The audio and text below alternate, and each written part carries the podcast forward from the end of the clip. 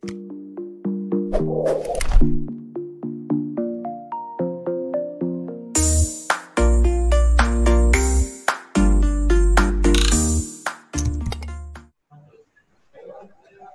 bahagia kerabat desa Indonesia ketemu lagi bersama saya Suryo Kojo Suryo Putro dalam acara Kepoin Desa. Kita kepo-kepo tentang desa dan kita sama-sama memuliakan desa dalam agenda Kepoin Desa kali ini. Hari ini sesuatu yang luar biasa kita kehadiran tamu Mas Yogi dari Sosiotrap yang mengembangkan satu platform aplikasi untuk perangkat desa yang didukung oleh Eh, teman-teman uh, dari uh, perangkat desa. Uh, kita pengen tahu sebenarnya agendanya apa ini apa Om Yogi dengan uh, aplikasi perangkat desa.id-nya di website dan juga di Google Play kayaknya juga sudah naik. Nah, kebetulan kita melihat bahwa era pandemi ini, nah, era COVID ini kemudian menyadarkan bahwa ada kebutuhan database yang menjadi sangat penting, ada kebutuhan untuk digitalisasi menjadi sangat penting, dan Sociotrap sudah memulai uh, mengembangkan perang, uh, aplikasi untuk perangkat desa, tetapi isinya apa, caranya bagaimana, dan seterusnya kita akan kepo-kepo perangkat desa.id dengan Om Yogi. Pagi Om Yogi. Halo Om. Om Yogi? Ya, ya Om. Ya, Oke. Okay. Pagi, sore ini pagi, pagi, pagi, pagi Om. Iya. udah mulai normal nih. New normalnya udah normal nih. Iya. macet di mana-mana. Udah udah mulai normal kayaknya kena macet ini di Jakarta ya. Betul, betul. Tadi biasanya sih paling 15 menit sampai kantor. Sekarang udah satu jam lagi, Om. Oke. Om Yogi, aku pengen apa tanya-tanya ini kemarin kan ada apa ada di apa di sudah mulai di dinaikkan di uh, Google Play aplikasi perangkat desa. Sebenarnya mungkin sebelum bicara aplikasi, aku pengen tahu Om Yogi ini di Sosiotrap, Sosiotrap itu apa sih? Sebelum kita ya. masuk ke sebelum kita masuk ke perangkat desa ini. Uh, semoga teman-teman perangkat desa pada gabung ke sini untuk bisa mengikuti idenya seperti apa dan seterusnya. Silakan Om. Baik, baik. Terima kasih Om Koco. Uh, selamat pagi semuanya dari tim TV Desa. Uh, sebetulnya kondisi yang sekarang kita dipaksa untuk melakukan sesuatu yang namanya digitalisasi. Nah, Oke. Okay. Dari Sosiotype sendiri sebetulnya sudah mulai kita lima tahun yang lalu lah melihat bahwa yang namanya digital itu ke depannya pasti akan booming. Okay. Hanya tidak semua itu bisa langsung mengikuti. Hmm. Tapi kita melihat bahwa uh, kondisi yang di Indonesia terutama itu banyak sekali yang namanya komunitas-komunitas atau kumpulan-kumpulan orang itu dengan mulai masuknya yang namanya sosial media. Hmm. Ini mereka berusaha untuk masuk digital melalui sosial media. Hmm. Nah, okay. Hanya yang jadi masalah adalah sosial media itu bukan rumah atau bukan kepunyaan dari komunitasnya. Sehingga masalahnya adalah ketika terjadinya sesuatu di aplikasi sosial medianya, semua hmm. database, semua semua dari yang isi-isi yang sudah disiapkan baik itu konten ataupun informasi-informasi yang sudah dimasukkan ke sosial media tersebut itu ya bukan hak miliknya lagi dari pemilik uh, komunitas tersebut. Dengan melihat kondisi hmm. itulah makanya dari kami sosial uh, social tribe itu berusaha untuk membuat satu platform yang hmm. nantinya bisa menjadi rumah sendiri bagi komunitas. Hmm. Nah, perlu diketahui bahwa komunitas itu tidak hanya komunitas yang kita tahu kan hanya komunitas bola, tapi ketika kita uh, rilis lagi, ternyata komunitas itu mulai dari hal yang kecil, bahasanya sih ibu-ibu yang biasa arisan, sampai dengan yang besar, yang sekarang itu yang paling banyak itu kalau nggak fans bola ataupun mungkin fansnya dari artis, itu mereka semuanya kumpulnya di sosial media yang merupakan itu hmm. share media bukan punyaan dari pemilik komunitasnya. Dan dengan hmm. kondisi itulah maka kita coba bantu nih untuk empowering dari komunitas-komunitas itu bagaimana data yang mereka miliki dari fans-fansnya itu milik sendiri, punya rumah sendiri, sehingga bisa melakukan apa pun di rumah sendiri. Di situlah Sociotap itu berperan untuk membuat sebuah platform yang nantinya ini bisa digunakan. Mudah-mudahan sih bisa membantu untuk mendigitalisasi dari data-data yang biasanya sih berantakan di mana-mana lah gitu. Hmm. Itu dasarnya. Oke, hmm. Oke sekarang uh, ke perangkat desa. Kenapa jadi tertarik ini teman-teman sosiotrap untuk mengembangkan yang di perangkat desa? Ada sesuatu oh. di perangkat desa? Oh. Ya, sebelumnya sih kita lihat beberapa uh, komunitas yang ada. Nah, terus kita hmm. lihat juga ternyata dari awalnya sekarang mulai masuk uh, perekonomian tuh ke desa dengan adanya bumdes dan lain sebagainya. Nah, hmm. ini kita melihat bahwa perlu adanya sebuah aplikasi yang nantinya bisa menjembatani antara perangkat desa dengan masyarakat desa. Hmm. Nah, ini kita coba bantukan nih. Yang biasanya sih ya ya kumpul-kumpul segala macam. Apalagi kondisi dengan new normal ini kan udah nggak mungkin lagi kumpul-kumpul om. Ya, butuh sesuatu hmm. yang nantinya uh, bisa menjembatani apa pun itu kegiatan dari masyarakat desa perangkat desa itu bisa tahu, bisa terupdate langsung, tidak lagi okay, okay, okay. berhubungan Ar dengan batas waktu. Oke, okay. Om. Sekarang uh, aku pengen coba di, dibantu nih, apa -hmm. Perangkat desa, aplikasi perangkat desa uh, yang dikembangkan sama Om Yogi ini. Uh, fitur-fiturnya apa, kemudian kalau mau memulai mungkin seperti apa, kalau memang ada presentasi boleh juga nih di, di share supaya teman-teman yang gabung di sini kebetulan yang sudah ada di Zoom meeting ini ada uh, dari desa Bara Bali, Nusa Tenggara Barat, dari desa Melinjon, uh, yang kemarin, ah ini desa Melinjon ini yang kemarin dapat, uh, anu Om, dapat penghargaan karena menggunakan um, barcode untuk apa kakak. Ini ama kayaknya Om Yogi dan tim bisa menjadi salah satu yang bisa membantu melinjon nanti dalam pengembangan aplikasinya. Mungkin agenda CSR-nya apa ya, Susutrap bisa juga. Kemudian ada Mas Indra ada oh ada Pak Okto juga nih dari apa Kemendagri. Jadi komitmen-komitmen apa nih Sosiotrap uh, ke teman-teman perangkat desa dan ke pemerintahan dalam hari ini mungkin Kementerian Dalam Negeri? Karena ada bagian yang menarik menurut saya adalah ketika platform atau aplikasi ini bisa dimanfaatkan untuk kemudian apa uh, mengisi database dari perangkat desa termasuk data-data bahwa dia diangkat mulai dengan surat keputusan apa dan seterusnya ini mungkin akan menjadi apa hal yang sangat membantu dari apa Dirjen Bina Pemdes untuk kemudian punya database nih tentang perangkat desa seluruh Indonesia jadi artinya swasta terlibat dalam bagaimana apa uh, database ini bisa terbangun. Silakan Om. Waktu ya. sepenuhnya buat Om Yogi. Silakan dieksplor tentang perangkat desa apa data ID atau uh, aplikasi perangkat desa. Baik, baik ya. Uh, mungkin sedikit dulu untuk mengenai fiturnya dulu.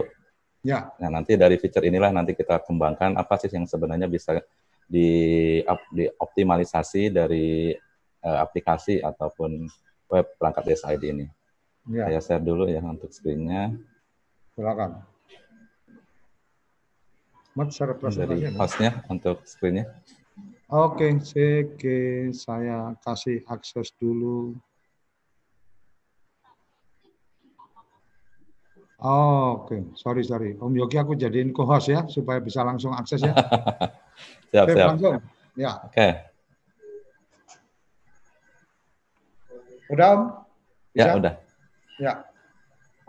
Oke, okay, uh, eh, ini sebenarnya feature yang umum dari aplikasi Sociotrap dan ini pun hmm. yang sebetulnya lengkapnya yang bisa digunakan oleh aplikasi perangkat desa. Tetapi kalau kita lihat dari yang uh, kebutuhan dari perangkat desa itu sendiri, kemungkinan tidak semuanya, karena kan ada hubungannya kalau udah perangkat desa hubungannya sih lebih ke pemerintahan ya Om. Jadi ya hal-hal yang berhubungan dengan pemerintahan, yang ada hubungannya antara pemerintahan atau perangkat desa dengan masyarakat, itu yang mungkin nanti akan feature yang utamanya.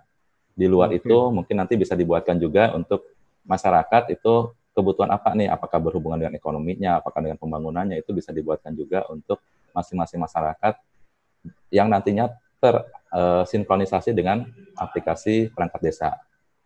Nah, yang pertama itu biasanya kebutuhannya adalah forum.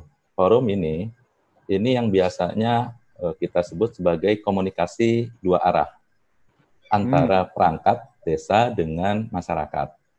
Nah, yang terjadi saat ini biasanya kan uh, anggaplah yang yang daerahnya Jakarta sih masih gampang ya Om, pakai hmm. Datanglah ke kantor uh, perangkat desa gitu. Masyarakat itu masih bisa. Tetapi ketika jaraknya jauh, hmm. terus butuh waktu yang lumayan lama, itu kan akan terjadi masalah di sana. Ya, padahal dari masyarakat sendiri punya kebutuhan yang cepat untuk memberikan informasi itu. Nah, di forum inilah ini bisa digunakan hubungan dua arah antara perangkat desa dengan masyarakatnya. Mereka akan memberikan informasi-informasi terupdate. Jadi bahasanya sih yang sekarang jarang sekali orang yang nggak punya handphone kan, smartphone sekarang di mana-mana pasti dipakai. Nah, ini bisa kita gunakan sebagai salah satu uh, uh, apa feature yang nantinya setiap ada kondisi-kondisi darurat kah, setiap ada informasi sesuatu informasi dari masyarakat ke perangkat desanya itu bisa secara online, secara, secara real time itu langsung bisa diterima oleh perangkat desa maupun oleh masyarakat. Ini yang forum. Jadi komunikasi dua arah. Yang kedua, artikel Artikel ini bisa menjadi salah satu informasi bagi seluruh masyarakat, tidak hanya di e, desa tersebut, tapi juga ini bisa menginformasikan ke e, luar desa tersebut karena secara online. Online tuh tidak hanya di satu tempat aja, tetapi bisa ke luar negeri malah gitu kan. Jadi perkembangan pembangunannya, terus kelebihan-kelebihan desanya maupun e, pertumbuhan ekonomi dan lain-lainnya itu itu bisa dimasukkan sebagai artikel atau uh, informasi satu arah yang nantinya ini bisa menjadi salah satu update dari pembangunan desanya. Ini untuk artikel. Ini pun bisa dipakai dari uh, semacam medianya lah, media uh, informasi dari perangkat desa ke seluruh uh, komponen yang membutuhkan informasinya. Yang Sorry, ketiga om, adalah aku, aku, ya. potong, aku potong ya di sini ya. Siap om. Artinya artinya setiap setiap mereka yang kemudian sudah apa masuk di aplikasi ini mereka bisa memberikan informasi. Bisa, bisa. Jadi nanti okay. kelebihan dari ini pun uh, semua yang nanti mau mengunduh atau mendownload dari aplikasi ini hmm. itu kan masing-masing desa nih. Nah, mereka itu bisa uh, mendaftar. Jadi database dari yang mendaftar ini ini bisa jadi kepemilikan dari perangkat desanya. Ya nanti ada informasi lain sebagainya itu itu bisa langsung diinformasikan. Seperti itu. Ada ada pengelompokan nggak Om? Sorry, ini sambil sambil ya. jalan supaya teman-teman juga menangkapnya dengan lebih apa lebih maksimal. Ada nggak pengelompokan data artinya bahwa oh ketika registrasi kemudian dia terdata sebagai perangkat desa jabatan apa atau dia hanya sebagai masyarakat biasa atau atau gimana? Kira-kira bisa, bisa. Jadi nanti oh. ini ada pengelompokan kalau memang dibutuhkan itu hmm. untuk pengelompokan sebagai perangkat desanya hmm. atau nanti sebagai masyarakatnya. Oke. Okay. Jadi nanti ada pilihan nanti uh, pas uh, masuk untuk pendataannya ini sebagai perangkat desa. Nah, jadi kita tahu nih siapa aja perangkat desa yang ada di desa tersebut Terus hmm. yang nanti ada komunikasi itu siapakah, uh, apakah itu dari perangkat desanya, ataukah itu dari masyarakatnya. Hmm, Seperti itu. Nah, yang nanti masuk pun umpamanya di forum ketika ada komunikasi, sebetulnya nanti ada admin di sini tuh, yang nanti akan akan menjadi uh, kipernya lah, kipernya yang nanti hmm. sebagai admin, yang ini pasti harus dari perangkat desanya.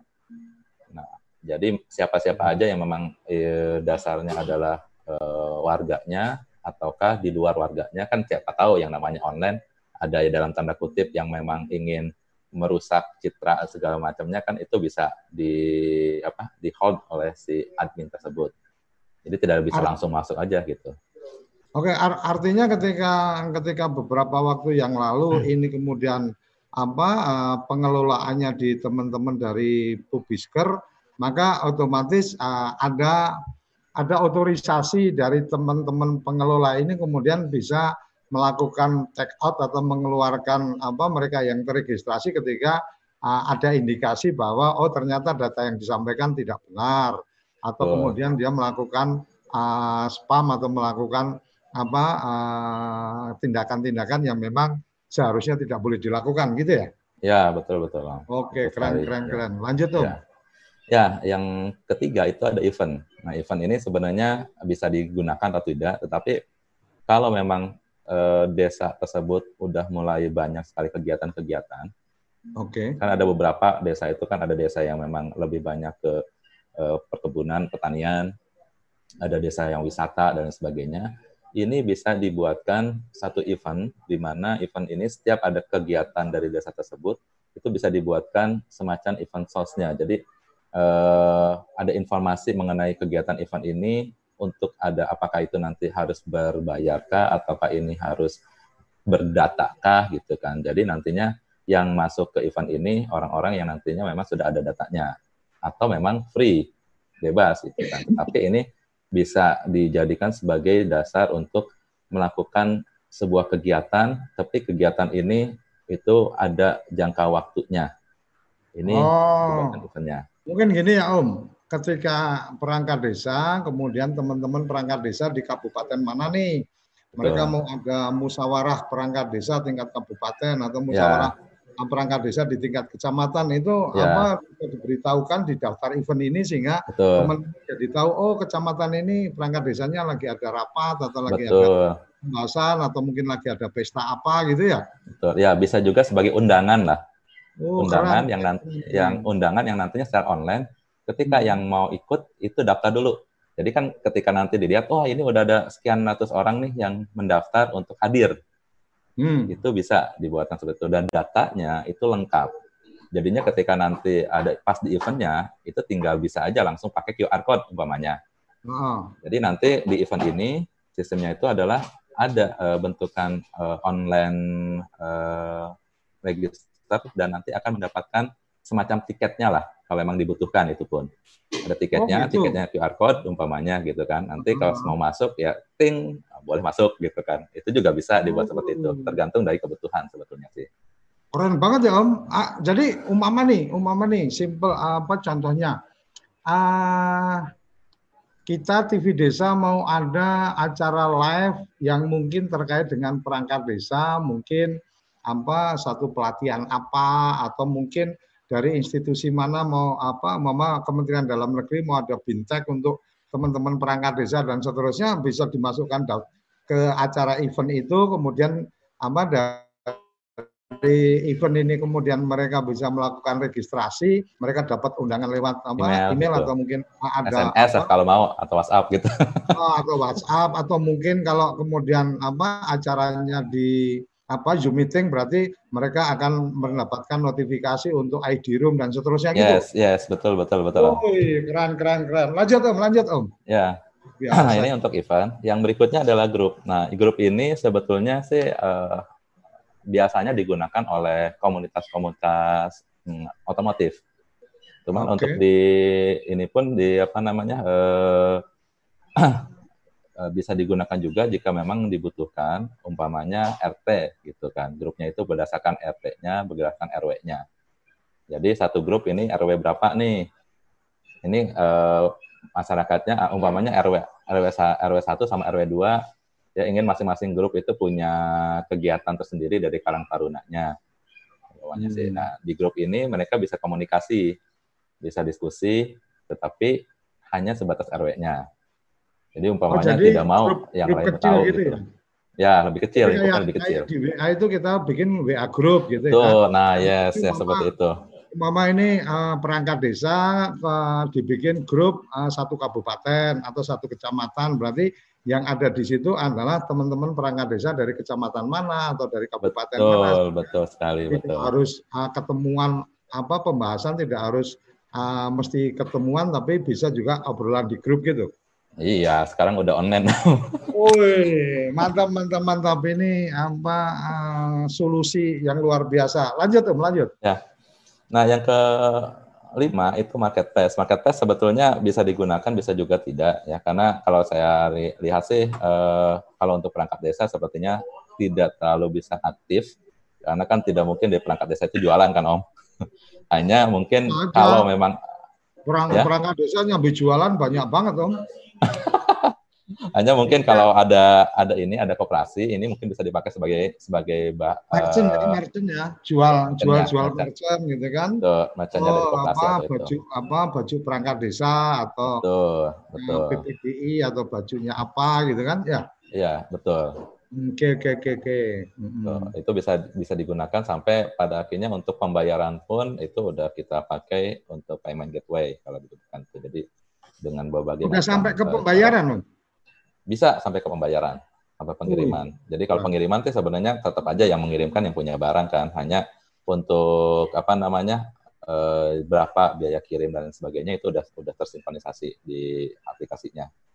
Artinya di aplikasi sudah terkoneksi dengan apa jasa logistik atau beberapa udah udah masuk ke jasa logistiknya. Jadi bisa kan terukur beratnya berapa, terus jaraknya berapa, itu udah bisa ketahuan berapa Oke. Okay. Udah udah ada ada berapa jasa logistik om yang udah di baru dua deh kalau Tiki sama JNE sih. Kalau sebenarnya oh, kita kalau KPI-nya bisa dimasukkan sih bisa ditambah sih. Berarti Tiki sama JNE ketika teman-teman umpama oke okay, kirim ke mana dan seterusnya sudah ada perakiraan biayanya gitu ya? Betul dengan betul. Menggunakan itu. Ush, yeah. Luar biasa. Lanjut om. Ya.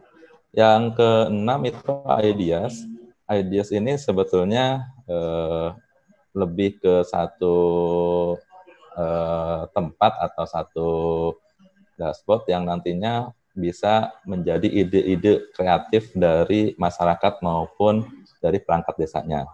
Umpamanya hmm. mau melakukan kegiatan atau membuat sebuah uh, bisnis yang nantinya ini tuh butuh sesuatu nih, cuman ini baru ide dulu nih.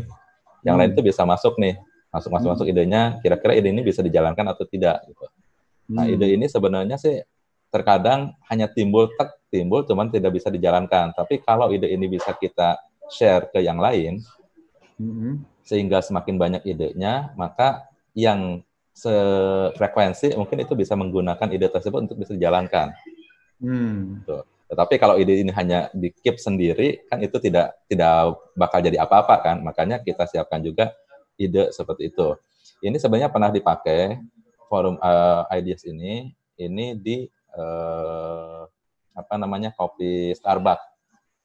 Jadi di Starbucks ini biasanya setiap pelanggan itu memberikan ide-ide kreatifnya sehingga yang bisa digunakan atau dijalankan oleh Starbucks itu mereka akan melakukan itu. Enggak ada apakah itu dari varian kopinya atau apa gitu kan. Sehingga hmm, nantinya ada sesuatu yang baru yang idenya itu berdasarkan dari ide-ide masyarakat. Oke. Okay. Gitu. Ini untuk ideas yang bisa diwujudkan lah ide-ide yang bisa diwujudkan.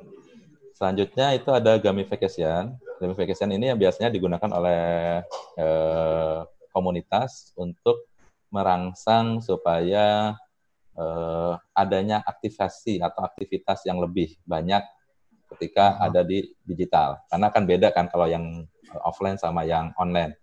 Oke. Okay. Jadi gimana caranya nih? Ya kalau ada permainan-permainan atau semacam eh, kegiatan-kegiatan yang nantinya memberikan hadiah tertentu sehingga masyarakat tersebut senang anggaplah umpamanya antar Karang Taruna bisa dibuatkan satu games games itu siapa yang bisa membuat uh, tempat yang paling bersih nah ini bisa masuk ke situ juga okay, okay, okay. Ya games yang lebih mendidik lah, yang lebih bisa memberikan sesuatu uh, benefit ke masyarakat.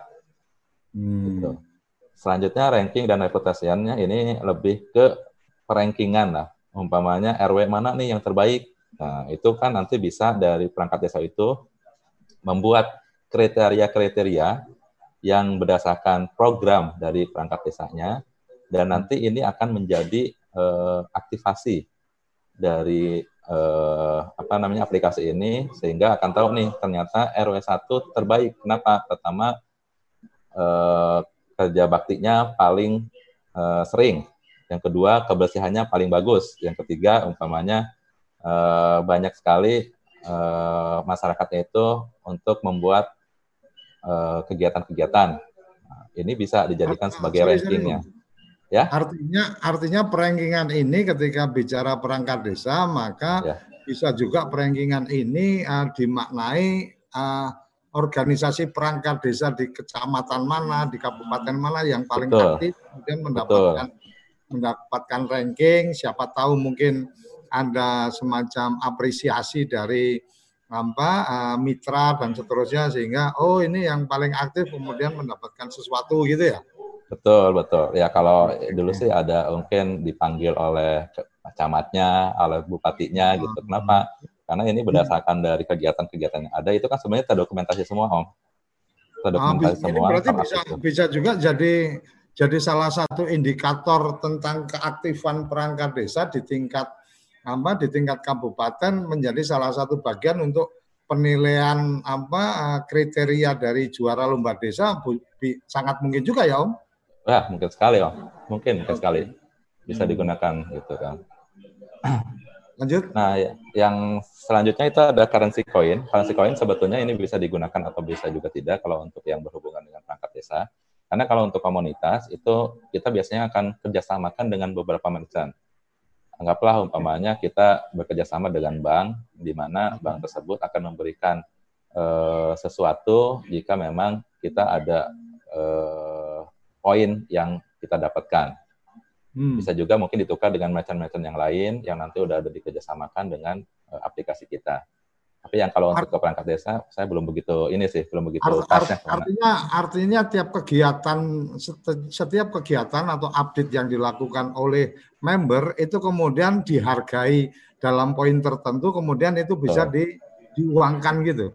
Ya bisa diuangkan atau bisa dijadikan sebagai penukaran ke merchant. Oh, sebagai alat tukar. mama nih aku punya apa teman-teman perangkat desa punya merchant mau umpamanya mau cantik dengan apa dengan perangkat desa atau dengan tanda tangan dari menteri dalam negeri gitu kan ya, ketika ya ya ya. betul betul. sekian apa sekian uh, poin dari mereka berkegiatan maka kemudian akan mendapatkan souvenir dari kementerian umpamanya kayak gitu. Ya Berarti, betul. uh, logiknya yang kayak gitu ya om ya Betul, betul. Anggaplah umpamanya ada salah satu perangkat desa, dia aktif sekali untuk berkomunikasi dengan masyarakat, aktif juga hmm. dia memberikan informasi berupa kegiatan-kegiatan di masyarakatnya. Ini kan akan hmm. semakin banyak tuh artikel-artikel yang masuk. Nah, hmm. itu kan kita bisa jadi salah satu setiap membuat artikel, setiap hmm. melakukan uh, apa pemberitahuan, uh, bentukan dari event K, gitu. ibaratnya sih sebagai medianya itu bisa dapetin dua poin atau dua poin yang nantinya bisa ditukarkan dengan yang tadi Om informasikan. Seperti Jadi kalau itu. kayak kayak aku belanja di salah satu minimarket itu kan aku apa aku udah terdaftar punya nomor mem, apa nah, punya nomor uh, member di situ. Jadi pada saat transaksi kemudian dia tanya apa ada uh, nomor anggota apa nah. nomor membernya oh ada begitu kita nomor member belanja kita serah, apa sepuluh ribu seratus ribu apa tiap pelipatan seribu dapat poin nah pas nanti sudah kumpul poin akhir tahun dia memberitahukan kalau poin itu bisa ditukar untuk belanja ini cukup bayar segini uh, dengan poin dikurangi segini betul, gitu ya betul betul bisa itu. banget ini om Iya, iya, bisa dibuat Oke, seperti itu. Lanjut, lanjut, Om. Nah, yang terakhir itu analitiknya. Jadi ya, ini memang masih belum clear kalau untuk analitik ini masih kita develop juga. Ini okay. untuk melihat dengan kesehatan dari uh, kegiatan yang terjadi di aplikasi tersebut.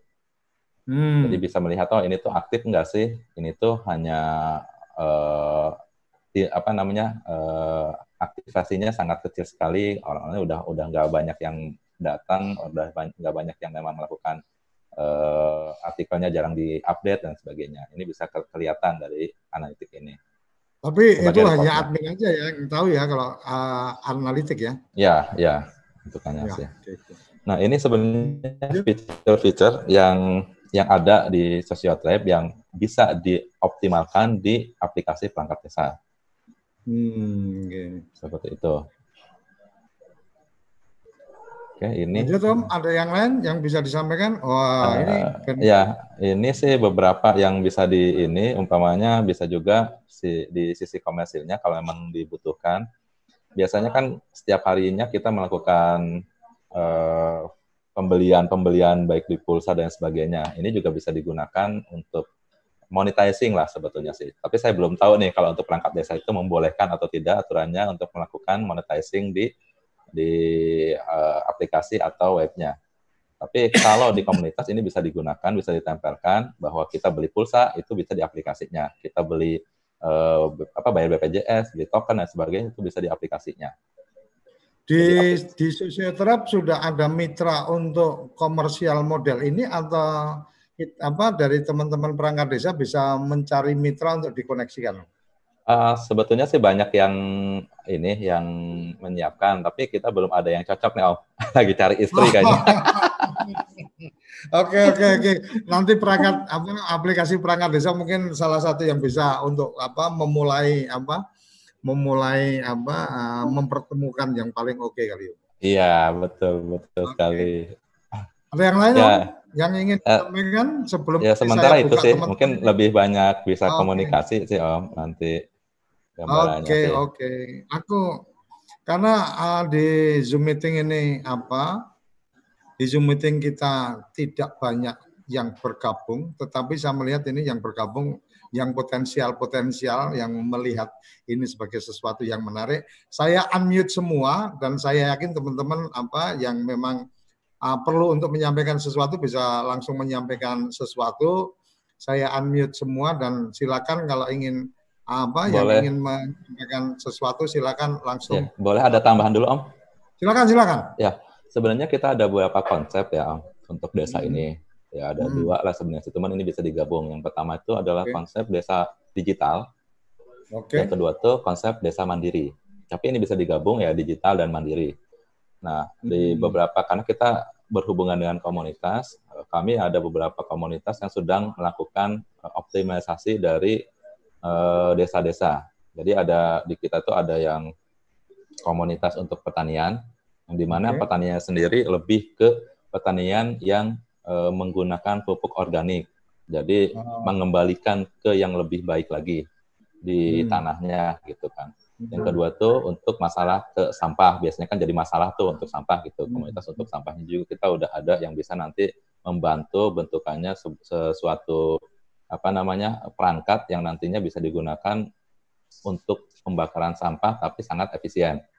Nah, hmm. kita pun sedang membuat satu startup baru uh, namanya tuh uh, efek uh, uh, infektif infektif ini juga nanti kita coba uh, sinkronisasikan dengan perangkat desa ini. Ini berhubungan dengan CSR Om. Oh, nah, cuman kita lebih menggeser sedikit ke CSV karena kalau CSR kan ngebangun-ngebangun dari dana ini dari dana perusahaan udah gitu ditinggal tanpa hmm. adanya membuat sesuatu yang nantinya meningkatkan dari uh, ekonomi desa untuk yang berkelanjutan. Hmm. Nah, kita akan membuat satu uh, tim yang nantinya bisa membentuk CSP tersebut sehingga bukan hanya memberikan sesuatu setelah itu ditinggalkan, tetapi akan berkelanjutan yang nantinya akan meningkatkan dari taraf hidup di desa. Nah ini okay. yang lagi dijalankan. Nah ini ada sebenarnya ini konsepnya juga sudah dijalankan oleh Backcraft, Badan hmm. Ekonomi Kreatif, namanya Icon sebutannya sih. Tapi karena Backcraft sekarang udah nggak ada, sepertinya nggak tahu nih programnya masih berlanjut atau tidak itu biasanya mereka akan membentuk sekitar 8 sampai dengan 10 orang eh, anak muda yang hmm. mempunyai apa namanya semangat kreativitas yang tinggi untuk hmm. membangun sebuah eh, desa. Hmm. Nah, mereka itu akan dikirim ke suatu desa, anggaplah umpamanya kita contohnya di eh, Sawah Lunto gitu. Hmm. Nah di Sawah Lunto itu kan tempatnya untuk eh, tambang batu bara bahasanya sih penambang kalau udah tambang batu bara selesai ada kemungkinan itu desa akan ditinggalkan dan akan menjadi desa mati kan Om. Ya, betul. Nah, si tim ini ini akan diberikan tugas bagaimana desa yang sudah ditinggalkan ini bisa hidup dan bisa menjadi sebuah desa yang mandiri. Akhirnya oh. mereka susun yang akhirnya dibuatkan dari hasil-hasil yang eh, tambang tersebut itu menjadi sebuah desa untuk wisata, jadinya wisata tambang. Hmm. Nah itu udah dijalankan. Sama juga ketika datang ke daerah apa namanya uh, Brebes. Nah, di Brebes hmm. itu kan hanya tiga lah yang kita tahu tuh Brebes itu pertama dikenalnya adalah telur asin, yang kedua itu bawang merah, yang ketiga itu boboko gitu. Hmm. Dari ketiga ini kan nilai jualnya itu tidak lebih dari paling 20 ribuan lah barangnya sih. Padahal kemampuan mereka dianggaplah untuk membuat sebuah buboko itu dengan merempun mereka bisa melakukan anyaman untuk membuat buboko, tapi dijualnya cuma sekitar 20 ribuan. Nah, tim ini datang ke sana, mereka memberikan sebuah pelatihan, memberikan sebuah sistem sehingga yang tadinya hanya buboko itu mereka buatkan supaya nilainya lebih tinggi. Nah, anyaman ini mereka buatkan menjadi bukan lagi boboko tetapi membuat sebuah produk. Produk ini bentukannya itu adalah e, lampu ya, bentukan lampu. Hmm. Lampu hmm. yang bentukannya itu seperti e, ini e, telur asin, hmm. tapi bagus sekali dalam ininya e, finishingnya sehingga nilainya itu bisa naik lagi yang tadinya hanya 20 sampai dengan 50 ribuan itu bisa dijual sampai dengan 500 ribuan lebih sehingga peningkatan dari desa tersebut itu luar biasa tidak hanya itu loh jadi potensi-potensi desa itu mereka lihat mereka coba analisis yang pada akhirnya mereka membranding untuk menjadi sebuah produk baru untuk dikemas lebih bagus yang nantinya nilai jualnya lebih tinggi. Itu seru sekali lah. Dan itu ternyata anak-anak muda itu banyak sekali yang tertantang ke sana. Sampai ada yang anak muda yang memang eh, apa namanya udah bekerja pun ketika diberikan kegiatan itu mereka oke okay, saya pengen ikutan. Art, artinya artinya membuat membuat anak muda tertarik untuk balik ke desa gitu ya betul betul okay. ekonomi okay, itu kembali ke desa gitu apalagi kan sekarang yang udah di desa nggak boleh lagi ke Jakarta, Om. Oke, oke Om. Ah, Om Yogi, terima kasih. Ini ada Pak Okto dari apa Kementerian Dalam Negeri Dirjen Bina Pemdes. Ah, berkenan Pak Okto memberikan respon atau tanggapan dari apa yang disampaikan Mas Yogi, apa Om Yogi. Ah, satu hal yang perlu kita sampaikan bahwa beberapa waktu yang lalu saya sama Om Yogi juga sempat apa datang soan, ke soan. ke sana sempat menyampaikan komitmen bahwa data-data perangkat desa uh, yang ada di aplikasi ini juga akan apa diserahkan ke uh, Kementerian Dalam Negeri untuk bisa menjadi uh, database dari Dirjen Bina, Bina Pemdes tentang apa data-data uh, dari perangkat desa yang apa masuk di aplikasi ini. Pak Okto, ada? monitor? Bapak? Ya, eh, terima kasih Pak Suryo, okay. Pak ya, uh, sekalian. Assalamualaikum warahmatullahi wabarakatuh. Waalaikumsalam. Selamat siang dan salam sejahtera untuk kita sekalian. Uh, ini mohon maaf ini saya sambil sambil ada tugas jadi siap siap siap. Tapi pesannya saya cukup menangkap bahwa uh, apa bisa dikatakan ada ruang di samping ada perkembangan teknologi yang luar biasa di bidang IT, juga dengan adanya eh, apa namanya kondisi COVID, itu kemudian membuka ruang-ruang percepatan untuk adanya perubahan cara berpikir, ya. perubahan cara berpikir, uh, baik berpikir dari sisi penciptaan uh, instrumen-instrumen inovatif seperti ini. Demikian juga uh, bisa dikatakan para pihak yang selama ini jauh dibantai ini sebenarnya dibantai ditarik masuk di di apa namanya dicemplung ya gitu ya, ya. masuk ya. untuk uh, dalam sebuah teknologi yang sesungguhnya memudahkan. Ya. Nah, semangatnya adalah uh, apa namanya ada fasilitasi yang memudahkan. Uh, saya berpikir bahwa ini ke depan memang kita harus uh, apa namanya terus mendiskusikan hal ini Pak. Siap. Uh, kalau dari sisi saya sendiri mungkin uh, punya kepentingannya adalah mungkin uh, satu satu ketika kita adakan sebuah kalau memang memungkinkan ya. Pak siapa Pak narasumber Yogi Yogi Pak Yogi, Yogi. ya, ya. Uh, apa namanya ya kita buat satu acara di sini ya acara ya. di internal lewat inilah apa namanya mungkin lewat uh, Pak Surya juga bisa, Pak ya. Siap. Buat dengan tema apa namanya? Mungkin saya berpikir uh, uh, apa namanya?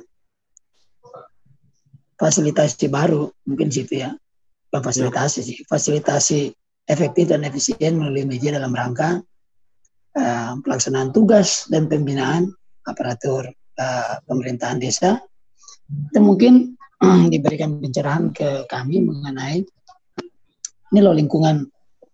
Uh, tentu kami semua juga belum terlalu uh, apa namanya jauh ke situ. Walaupun sudah ke situ, tapi maksudnya adalah belum terlalu jauh. Sehingga kemudian membantu untuk memberikan pencerahan-pencerahan ke kami.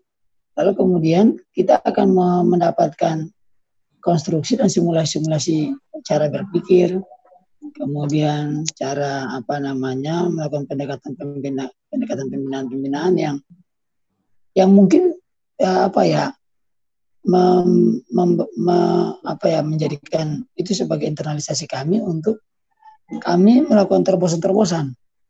Nah, bagi bagi saya sendiri itu sangat penting karena mungkin saya akan mengkonsolidasikan mengenai bagaimana perencanaan eh, apa namanya perencanaan di di jenderal pemerintahan desa untuk bisa menghasilkan hasil-hasil yang efektif. Nah itu yang yang apa namanya menarik. Jadi kalau kita sampai ke sana uh, bisa juga kita uh, internal dulu. Setelah itu mungkin juga kita ada ruang diskusi lagi lebih luas di desa misalnya dengan desa untuk mencari uh, apa namanya mencermati tema-tema yang muncul dari perde, perde apa bukan perdebatan tapi diskusi-diskusi kita dengan internal. Nah, itu juga juga menjadi tematik-tematik yang nggak ada habis-habisnya, tapi ya. uh, bernyawa gitu Pak. Pak, ya. Pak uh, demikian mungkin itu Pak. Oke, terima kasih Pak Okto. Uh, saya janji satu apa uh, kita atur waktu nanti Om Yogi saya bawa kembali ke apa ke pasar minggu saya apa kita atur ketemuan dengan Pak Okto apa-apa yang mungkin kita bisa eksplor dari boleh boleh Pak boleh Pak. ini. ya. Di darat Pak ya? Siap siap. Terima kasih Pak Okto untuk responnya. Siap siap siap. Orang, Pak. oke uh, ada masuk juga dari desa Barabali Nusa Tenggara Barat. Uh, ini masuk tentang bantu jualan masyarakat dan silakan uh, barangkali uh, bisa menyampaikan langsung di apa di uh, forum ini. Ya. Ya. Anu deh. Makasih Mas Surya. Ya. Ya. Assalamualaikum warahmatullahi wabarakatuh. Selamat. Ini dulu yang cakep ini siapa dari mana? nah, saya Adnan Muksin, Mas, sekretaris desa di Desa Barabali, Kabupaten Lombok Tengah, Provinsi Nusa Tenggara Barat. Uh, sekitar 25 kilo dari Bandara Internasional Lombok ke arah utara, mendekati uh, Gunung Rinjani. Okay. Desa pelosok, Mas. Di, desa ya. pelosok masih bisa terkoneksi dengan TV desa dan tampil menyampaikan pendapatnya ini luar biasa. Ketemu sama ya. Om Yogi yang ahli IT. Silakan. Ya, terima kasih Mas Suryo uh, Mas Yogi dan uh, Mas Okto dari Dirjen Bina Pemdes Kementerian Dalam Negeri. Ya Pak, terima kasih Pak. Ya, ada beberapa hal yang perlu kami sampaikan terkait dengan uh, pertemuan pada pagi hari ini. Jadi terima kasih sudah memberikan ide dan pencerahan kepada kami bagaimana keadaan new normal ini kita harus menjadi harus lebih lebih baik dan uh, lebih bagus juga dalam rangka memberikan pelayanan pada masyarakat. Saya fokus ke Mas Yogi saja. Silakan.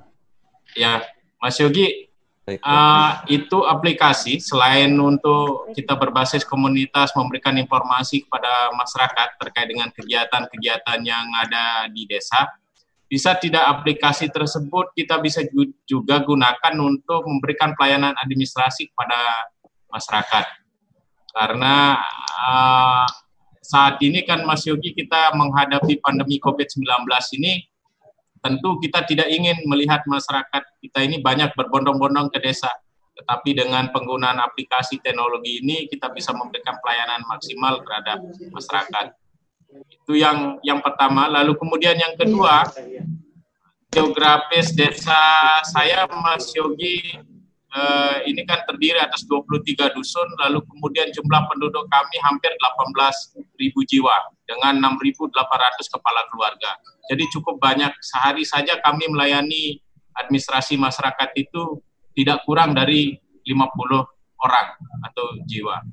Nah, belum lagi kegiatan-kegiatan yang lain karena wilayah kami juga cukup luas, jadi pelayanan kami belum bisa maksimal kalau tidak dibantu dengan teknologi dan informasi. Saya kira itu pertanyaan kami, Mas Yogi. Terima kasih. Mohon atensi dan bimbingan serta arahannya. Baik, baik. Terima kasih Pak, Pak siapa dari Desa Barbarali.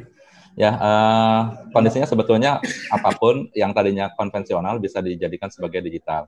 Nah, banyak sekali yang memang terbantukan dengan mendigitalisasikan yang tadinya konvensional. Hanya memang ini harus kita uh, diskusikan lebih lanjut karena seperti apa yang dibutuhkan, ya nantinya eh, administrasi-administrasi seperti apa aja yang bisa kita bantu supaya nantinya masyarakat itu bisa langsung. Karena kan nanti biasanya ada eh, kesulitan di proseduralnya ya. Di proseduralnya seperti apa, yaitu kan eh, yang saat ini dari feature yang diberikan adalah feature yang umum digunakan. Kalau sudah masuk ke administrasi berarti harus ada pengembangan lebih lanjut, tapi sebetulnya bisa bisa dibuatkan, hanya memang butuh ada diskusi lebih lanjut supaya memang sesuai dengan kebutuhan dari desa Barbarari ini.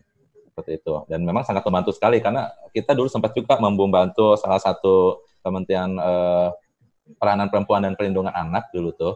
Sistemnya saat itu biasanya mereka melakukan eh, survei.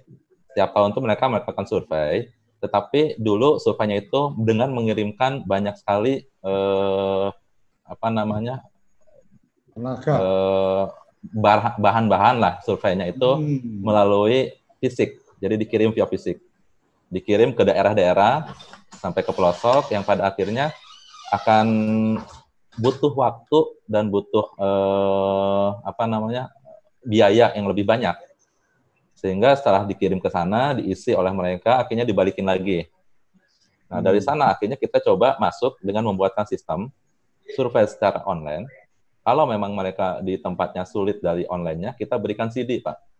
Untuk CD hmm. di tempat untuk di daerahnya itu untuk mengisi. Mengisinya itu secara online, jadi digital, yang pada akhirnya mereka hanya mengirimkan satu CD itu ke pusat. Kalau hmm. online, itu udah langsung masuk kan datanya. Kalau hmm. udah masuk ya tinggal dicek lagi oleh pemerintah pusat itu melihat oh ya udah itu langsung penilaiannya pun langsung karena udah bentukannya rumusan. Tidak lagi menunggu sampai dengan waktu yang mungkin berhari-hari umpamanya di di tempat di apa namanya di satu tempat yang itu harus dicek satu-satu gitu itu nggak perlu lagi seperti itu tapi dengan adanya digitalisasi itu efektif dan efisien sekali dalam pengerjaannya Nah, dari Bapak sendiri sebetulnya bisa digunakan itu, tapi memang butuh kita diskusi lagi kebutuhannya seperti apa, apakah nanti kita bisa bantu secara langsung dengan menempelkan di sana, ataukah memang harus ada development lanjutan sesuai dengan kebutuhannya. Seperti itu mungkin Pak jawabannya. Oke. Om Yogi siap-siap nanti aku atur waktu untuk bisa silaturahmi yang kedua ke pasar minggu ya. Oh, siap-siap Pak Om. Oke, ini uh, di ruang uh, Zoom meeting kita juga ada yang menggunakan nama Pubisker. Jadi sebagai informasi ke teman-teman perangkat desa.id, uh, kita sekarang uh, kemarin sudah di, dilakukan apa uh, pen, pengelolaan komitmen pengelolaan lebih lanjut dengan teman-teman dari apa PT Pubisker boleh uh, dari Pubisker ada yang ingin disampaikan? Silakan. Halo, Mas ya, siapa halo. ini? Ya. Ya, siap. Silakan, silakan. Uh, ya, nama saya uh, Fatuhul Ulum, uh, perwakilan dari Kusoleh dan Pak Adi karena beliau lagi ada halangan uh, di luar uh, yang saya tidak banyak untuk menyampaikan di sini. Yang utama adalah uh, untuk keseluruhan aplikasi perangkat desa ini uh, kami mendukung penuh untuk uh, ke depannya ya itu om-om yang yang yang hebat-hebat ini. Oke. Okay. Ya itu.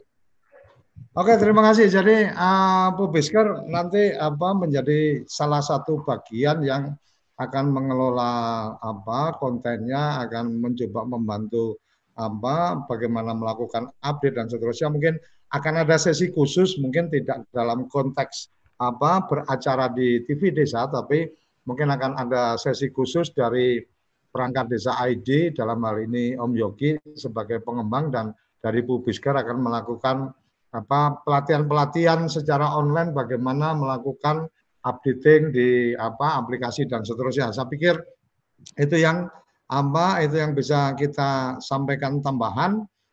Ada Desa Melinjon ini kemarin sempat menyampaikan tentang ide tentang ide untuk apa tentang aplikasi yang mereka sudah uh, lakukan dengan apa barcode. Saya sih berharap Desa Melinjon bisa apa bisa sharing, bisa memberikan respon atas ide dari orang Jakarta yang kemudian Om Yogi ini orang Jakarta yang kemudian berpikir untuk yuk mau do something untuk desa, kemudian pilihannya adalah bagaimana membangun apa uh, komunitas perangkat desa dalam sebuah platform aplikasi yang antar perangkat desa bisa apa berkomunikasi dan seterusnya. Meninjau, monggo Mas kalau berkenan untuk bisa memberikan respon. Oke, terima kasih. Terima kasih sambil acara pindah tempat dulu. Bagaimana cara Mas? Lagi acara pindah, pindah tempat dulu. Oke, oke. Oke. Eh, mengikuti tadi asik kayaknya, kelihatan asik. Meskipun juga agak uh, beberapa terjeda. Uh, kalau akan bagus memang kalau nanti itu bisa sinergi dengan dengan web desa misalkan. Ya, video ya. Uh, misalkan dengan kita kita gabung dengan web desa dengan pelayanan yang lain insya Allah pasti akan lebih baik. Nah, nanti itu juga kayaknya fasilitasnya juga lumayan kan tadi ada macam-macam fitur yang sudah ada di dalamnya dan itu bisa digunakan oleh desa. Nah, cuman ini tadi yang yang jadi mungkin pertanyaan kami tadi saya enggak apa kelewatan apa gimana ya. Untuk itu nanti servernya atau kita punya data server di desa atau mungkin jadi satu kan kendalanya kan ya memang ini kalau misalkan terkait itu server nanti hang misalkan lah ini data kita juga ikut. Juga itu ya itu kan juga kita apa punya misalkan master sendiri meskipun nanti misalkan oh iya ada masternya di apa yang server utamanya di mana gitu. Itu juga penting bagi desa sebenarnya. Karena itu kan juga menyangkut banyak apa banyak data di sana yang di upload oleh desa oleh masyarakat juga. Mungkin itu. Dan okay. saya kalau misalkan nanti uh, berkenan beliaunya yang dari Jakarta untuk jalan-jalan ke desa, nah, nanti bisa bantu saya. Nanti kita nanti kita atur waktu khusus untuk Zoom meeting mendiskusikan ini, Mas. Jadi ya, yang siap. sudah dilakukan meninjau bisa diduplikasi di tempat lain dan kemudian apa uh, apa fasilitasi apa yang bisa diberikan oleh Om Yogi, Trap dan apa dan komunitasnya karena memang uh, ini ini menjadi penting apalagi kalau bicara server selama tidak terbebani untuk pembiayaan server dan kemudian yeah. ada komitmen uh, ses, satu yang yang perlu hmm. kami sampaikan bicara komitmen komitmen tim IT ini memang uh, kita apa sangat apa sangat penting untuk kemudian benar-benar data ini menjadi aman dan tidak disalahgunakan itu kan bagian-bagian lain yang kita bisa sampaikan. Uh, silakan ya, Om Yogi. Ini. Uh, desa mana tuh? Apa nana? Ngomong Oke, uh, mohon maaf, mohon maaf untuk teman-teman yang kira-kira tidak sedang bicara bisa di mute uh, ininya ya. Bara Bali NTB. Mikrofon. Eh? Om Yogi? Yap, Om. ya, tentang server ini kayaknya ini karena yang bicara sekdes yang sudah sudah mulai paham IT, jadi mempertanyakan ya. servernya nanti di di tempatnya Om Yogi dengan apa sesuai kebutuhan uh, perkembangannya dan kemudian sejauh mana teman-teman juga bisa mendapatkan data dan seterusnya Baik. mungkin itu bagian yang sekilas bisa disampaikan Om Yogi walaupun ya nanti tetap ada bagian yang uh, secara khusus kita bikin apa forumnya. Silakan, Om. Baik, terima kasih uh, dari Bapak de Desa Melinjo. Untuk saya sendiri saat ini memang masih disatukan, Pak. Karena memang saat ini baru kita uh, upload untuk uh, aplikasinya sendiri. Tetapi memang nanti ada juga setiap uh, ada NDA atau MOU yang di mana semua data itu tidak boleh keluar sebelum ya. adanya kesepakatan. Pertama itu. Nah, hmm. jika memang nanti udah mulai dikembangkan, itu dari masing-masing desa pun sudah bisa mengakses data-data tersebut berdasarkan dengan yang mempunyai data tersebut. Nah, kalau nextnya ternyata tadi dari Bapak sendiri eh, ada kebutuhan untuk siapa di internalnya, yaitu juga bisa disiapkan. Bukan yang penting uh, infrastrukturnya udah siap, ya kita tinggal di, di ini aja dilingkan aja sebenarnya sih untuk data tersebut. Seperti itu. Memang banyak konsen sekali dari beberapa komunitas juga mengenai data ini. Tapi di awal kita udah berkomitmen bahwa data itu adalah kepemilikan dari masing-masing komunitasnya, bukan dari kepemilikan dari kita sebagai uh, yang punya aplikasinya.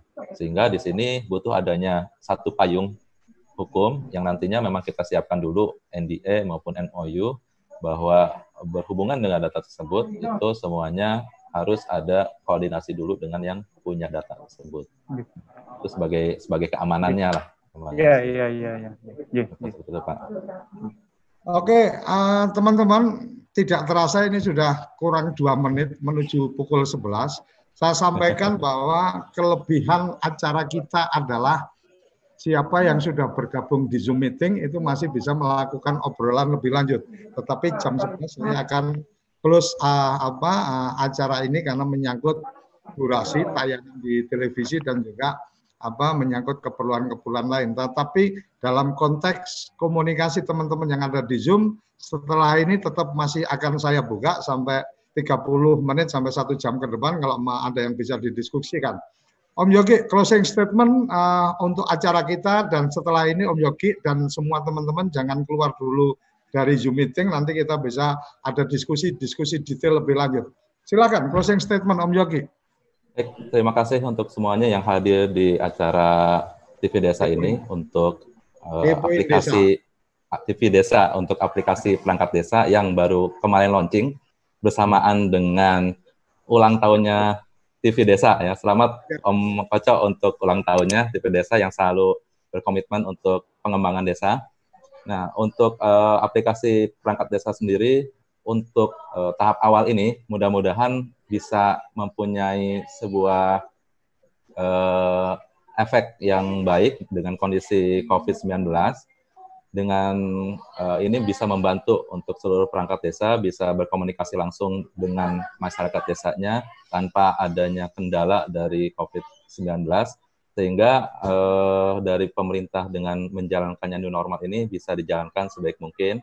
Mudah-mudahan dengan new normal ini nantinya semua dari perangkat desa bisa berkolaborasi dan bisa kembali normal seperti sedia kala, baik dari masalah uh, kesehatan maupun dari ekonomi dan kegiatan-kegiatan lainnya. Sekali lagi terima kasih untuk semuanya. Assalamualaikum warahmatullahi wabarakatuh. Terima kasih kerabat desa Indonesia.